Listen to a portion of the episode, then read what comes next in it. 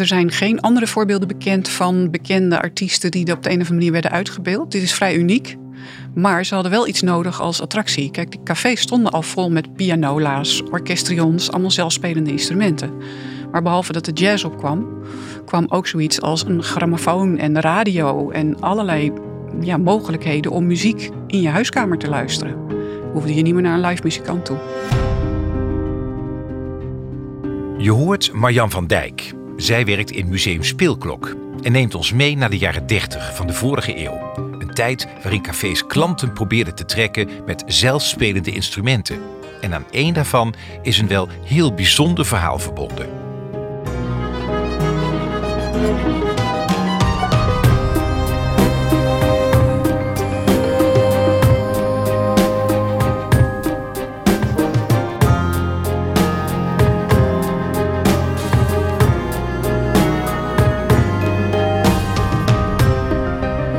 Je luistert naar Topstukken, de podcast over de mooiste kunst en cultuur van Nederland.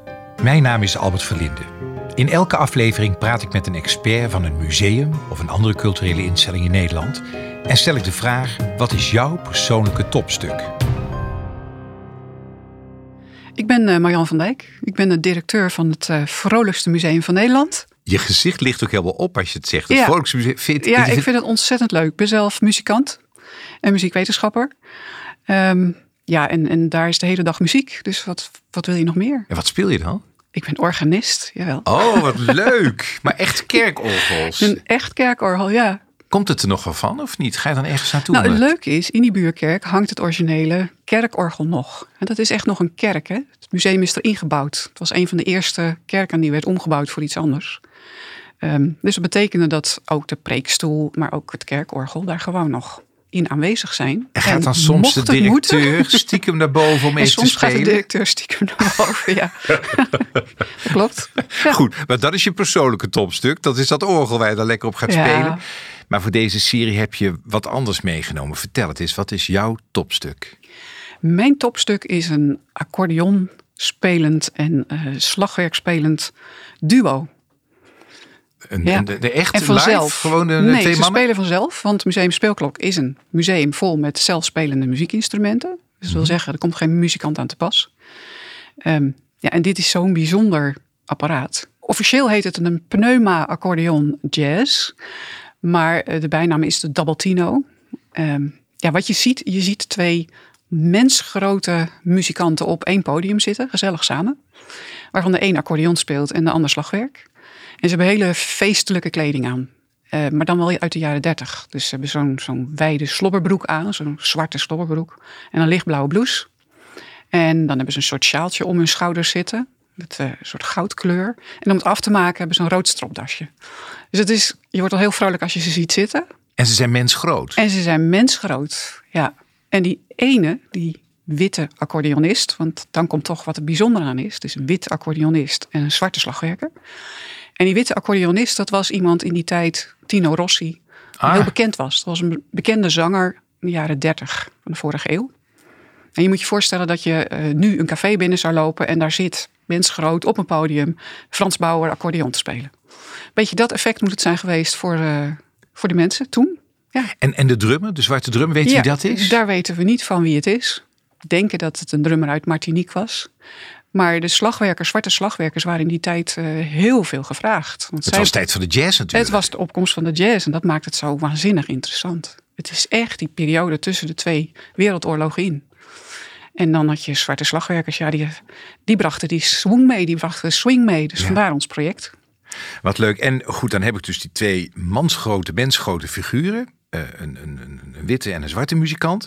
Uh, de ene is Tino Rossi, dat weten we. Maar ze maken ook geluid. Jazeker. Hoe ja. gaat dat dan? Je gooit er een muntje in en dan komt het hele zaakje tot leven. Dat echt is echt, ja, dat is, is, nog steeds heel magisch. En ze maken veel geluid, hè? dus het is, uh, het is wel even aanwezig in dat café. Maar ze beginnen ook, zoals vroeger de aapjes bij V&D, ze beginnen ook echt te drummen en, en, en dat je ja, meer beweging. Nog. Ja, meer nog. Ze uh, gaan met hun hoofd draaien, ze gaan met hun wenkbrauwen, die gaan omhoog, uh, de ogen draaien, de handen bewegen. Het is... Um, ja, voor kleine kinderen af en toe best wel eng. Die vinden dat griezelig. Maar uh, mensen vinden het ook heel grappig. En, en het, het, heeft een impact. Want het, ze kijken je ook aan als het ware. En het maakt muziek. En het speelt fantastische swingende muziek van rond 1935. Het is een mix van, van populaire Franse chansons. Speciaal voor het feit dat hij in, in Parijs stond. Uh, maar ook bekende nummers, jazznummers, van alles. Waar komt die vandaan? Is dat bekend?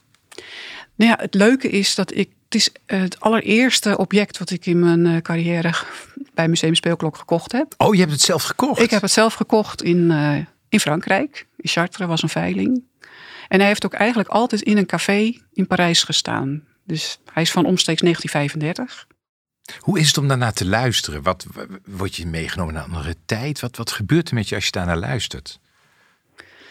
Ja, ik, als ik er zelf naar luister, dan waan ik me onmiddellijk in zo'n zo'n Frans cafeetje, wat iedereen wel eens op zijn vakantie uh, heeft bezocht. Um, en dan in de jaren dertig, want het is heel duidelijk de muziek uit die periode. Hè, het, het, chanson, maar invloeden van de jazz. Uh, heel erg leuk. Ja, dus een, een zomers geluid, zou ik bij beide zeggen. Ik word er heel vrolijk van.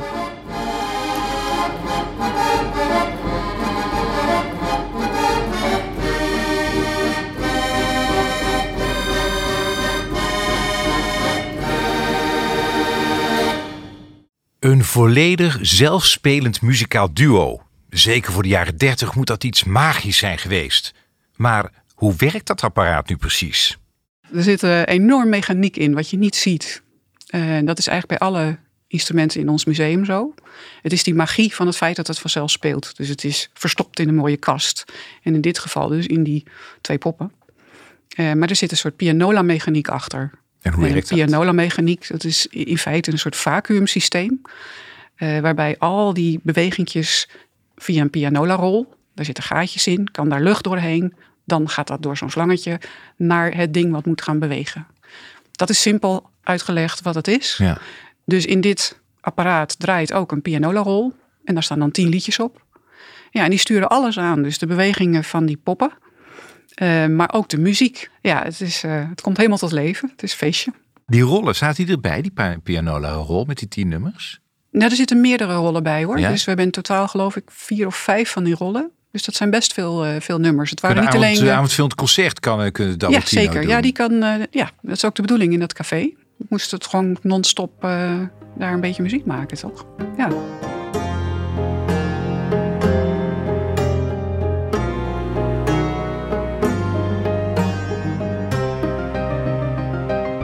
Mocht je nu denken dat je in de jaren 30 in Frankrijk overal dit soort muziekapparaten tegenkwam, dan moet Marjan dit beeld toch een beetje nuanceren.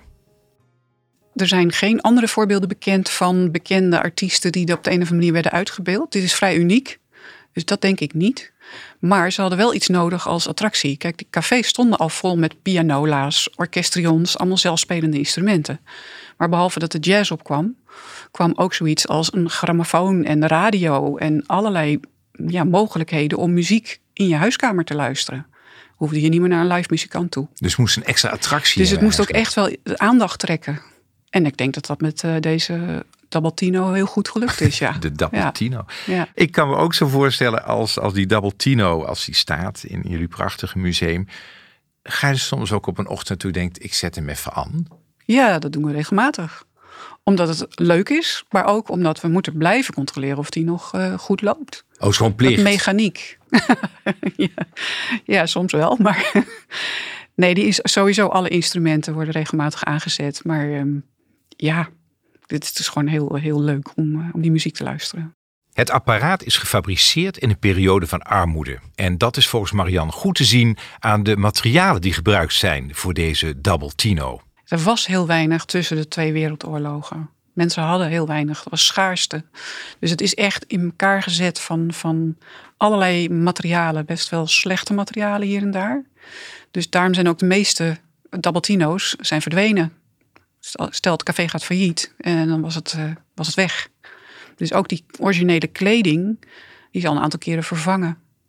Maar dus niet alleen de kleding, maar zelfs het wat eronder zit, dat wil eigenlijk niet weten, dat is de magie natuurlijk weg. Maar dat is ook nog van eenvoudig materiaal van wat er voorhanden was. Ja, ja waarschijnlijk hebben ze een, uh, ja, een soort vintage pianola mechaniek ook gebruikt. Ja. Het was natuurlijk crisistijd, hè? Ja, Ja. zeker. En dan een teken van hoop in crisistijd. Dat je dit hoorde spelen, zag spelen. Ja, het was ook een bekende zanger, die Tino Rossi uit die tijd. Dus ehm, ja, dat moet een heel, heel, heel veel impact gehad hebben. Je wandelt een café binnen en hé, hey, daar zit Tino Rossi. Ja, dat moet heel grappig geweest zijn ook. En dan die, die vrouwelijke muziek. Ja, het is inderdaad wel iets, eh, iets van hoop in eh, een moeilijke tijd. Mooi, ja. Zijn er meer van deze double tino's, dit soort pianoles op de wereld? Hoeveel zouden er zijn? Wij denken dat er ongeveer zes nog zijn. Je hebt ook enkele tino's. Er zit er alleen maar een accordeonspeler. Eh maar ze zijn allemaal, vrijwel allemaal in best wel slechte staat. Ik bedoel, eh, Museum Speelklok is eigenlijk ook het, de enige plek waar het goed gerestaureerd kan worden. Museum Speelklok is daarmee een bijzondere plek in Nederland, maar misschien zelfs wel in de wereld. Waar andere musea mensen moeten inhuren om dat te doen, heeft Museum Speelklok alle expertise op één plek verzameld. We hebben in ieder geval bij ons museum de stelregel dat als je iets neerzet, willen we het ook laten horen. De muziek is integraal onderdeel van het object. Dus het moest weer gaan spelen. Het speelde niet toen jij het kocht op die Het veiling. speelde wel, maar het speelde heel beroerd. Gewoon echt. Nee, dat, eh, dus daar hebben we best veel aan moeten doen. Eh, ook zo'n die accordeon bijvoorbeeld moest helemaal gereviseerd worden. Dat hij weer goed, alles weer goed zou. Kijk, als iets een hele tijd stil staat, dan roest het vast, letterlijk bij wijze van spreken. Dus dat moet allemaal nagelopen worden. Moet allemaal weer gaan, gaan, goed gaan bewegen. Hoe lang zijn we daarmee bezig? Poeh, nou, ik denk dat we hier toch wel eh, een jaar mee bezig zijn geweest. En dan nog die kleding. Dat was een heel onderzoek, een historisch onderzoek. Wat, heeft, wat hebben ze aangehad? Want het enige wat er bekend was van dit instrument was, waren zwart-wit afbeeldingen. Waren advertenties Ah. voor de verkoop in de jaren dertig. En die stof was vergaan, die zat niet meer rond die poppen Nee, heen. nee, en de manier waarop ermee omgegaan werd, dat waren gebruiksvoorwerpen. Eh, en het was ook materiaal van tussen de twee wereldoorlogen, dus slecht materiaal. Het hebben we met een deskundige op dat gebied hebben we gekeken naar hoe kunnen we zo dicht bo- bij mogelijk komen. We hebben nog een speurtocht gedaan in Amerika, naar, eh, waar ook nog eh, dat soort apparaten staan. Maar ehm, ja, het, er, komt ook wel wat fantasie bij kijken, ja. Hey, nou is natuurlijk een heel bijzonder duo. En we weten allemaal wat voor tijden we leven. We gaan heel anders kijken naar, naar hoe, hoe, de, hoe de zwarte medemensen afgelopen tientallen jaren eh, vaak als een soort karikatuur neergezet is. Speelt dat hier ook bij? Dat je denkt, ja, ja je moet het wel in de tijd zien. Nou, absoluut is het zo dat wij, we zijn een project gestart om te kijken naar de sporen van het koloniaal verleden in ons, onze collectie. Want we hebben best wel wat uit te leggen. Hè, dingen die we normaal gewoon laten zien. Er zijn best meer eh, zwarte figuren met een speeldoosje erin. Ja. En het werd dus tijd dat we daar eens eh, aandacht aan besteden. En dan is zo'n Dabaltino, wat er gewoon heel feestelijk uitziet, waar die twee muzikanten samen op dat podium zitten, hetzelfde aangekleed. Maar nog steeds kan je er van alles van vinden. Waarom heeft, weten we niet wie die zwarte muzikant is, bijvoorbeeld. En de een is wat kleiner dan de ander. En de een is wat meer karikaturaal eh, van gezicht dan de ander. Maar daar mag je zelf van vinden wat je, wat je wilt, Ja. denk ik. Je moet het openlaten en er vooral over hebben met z'n allen. Wat zou jij nou graag als, als instrument binnen pianola willen zien? Dat je zegt, oké, een accordeon nu gehad, een drum. Wat, wat zou je zeggen? Nou, dat zou ik fantastisch vinden als dat er is. Als dat automatisch gaat Ja. spelen, bedoel je? Wat een van de moeilijkste dingen nog is, eh, dat is een, een, een fluit, een dwarsfluit bijvoorbeeld. Een zelfspelende dwarsfluit. Ja, dat is een blaasinstrument. Maar ja, je kunt ontzettend veel geluiden nadoen met een, met een orgelregister. Ja, ja. Zelfs, eh, we hebben nu een net een nieuw instrument gekocht met een vioolregister.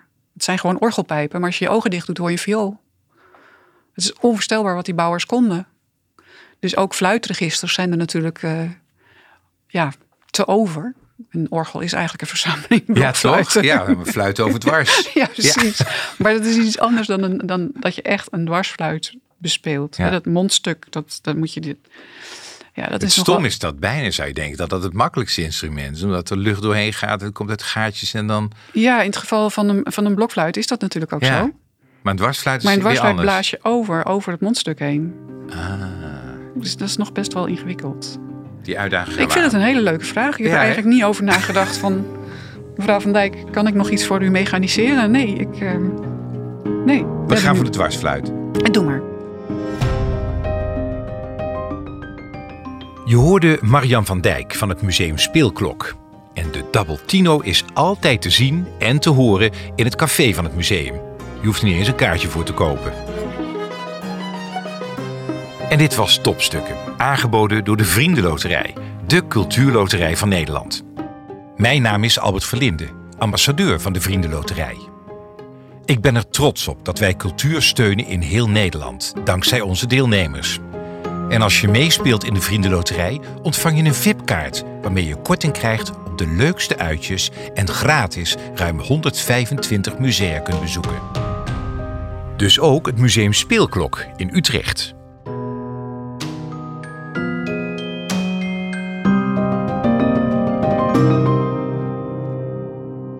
Benieuwd naar meer mooie verhalen?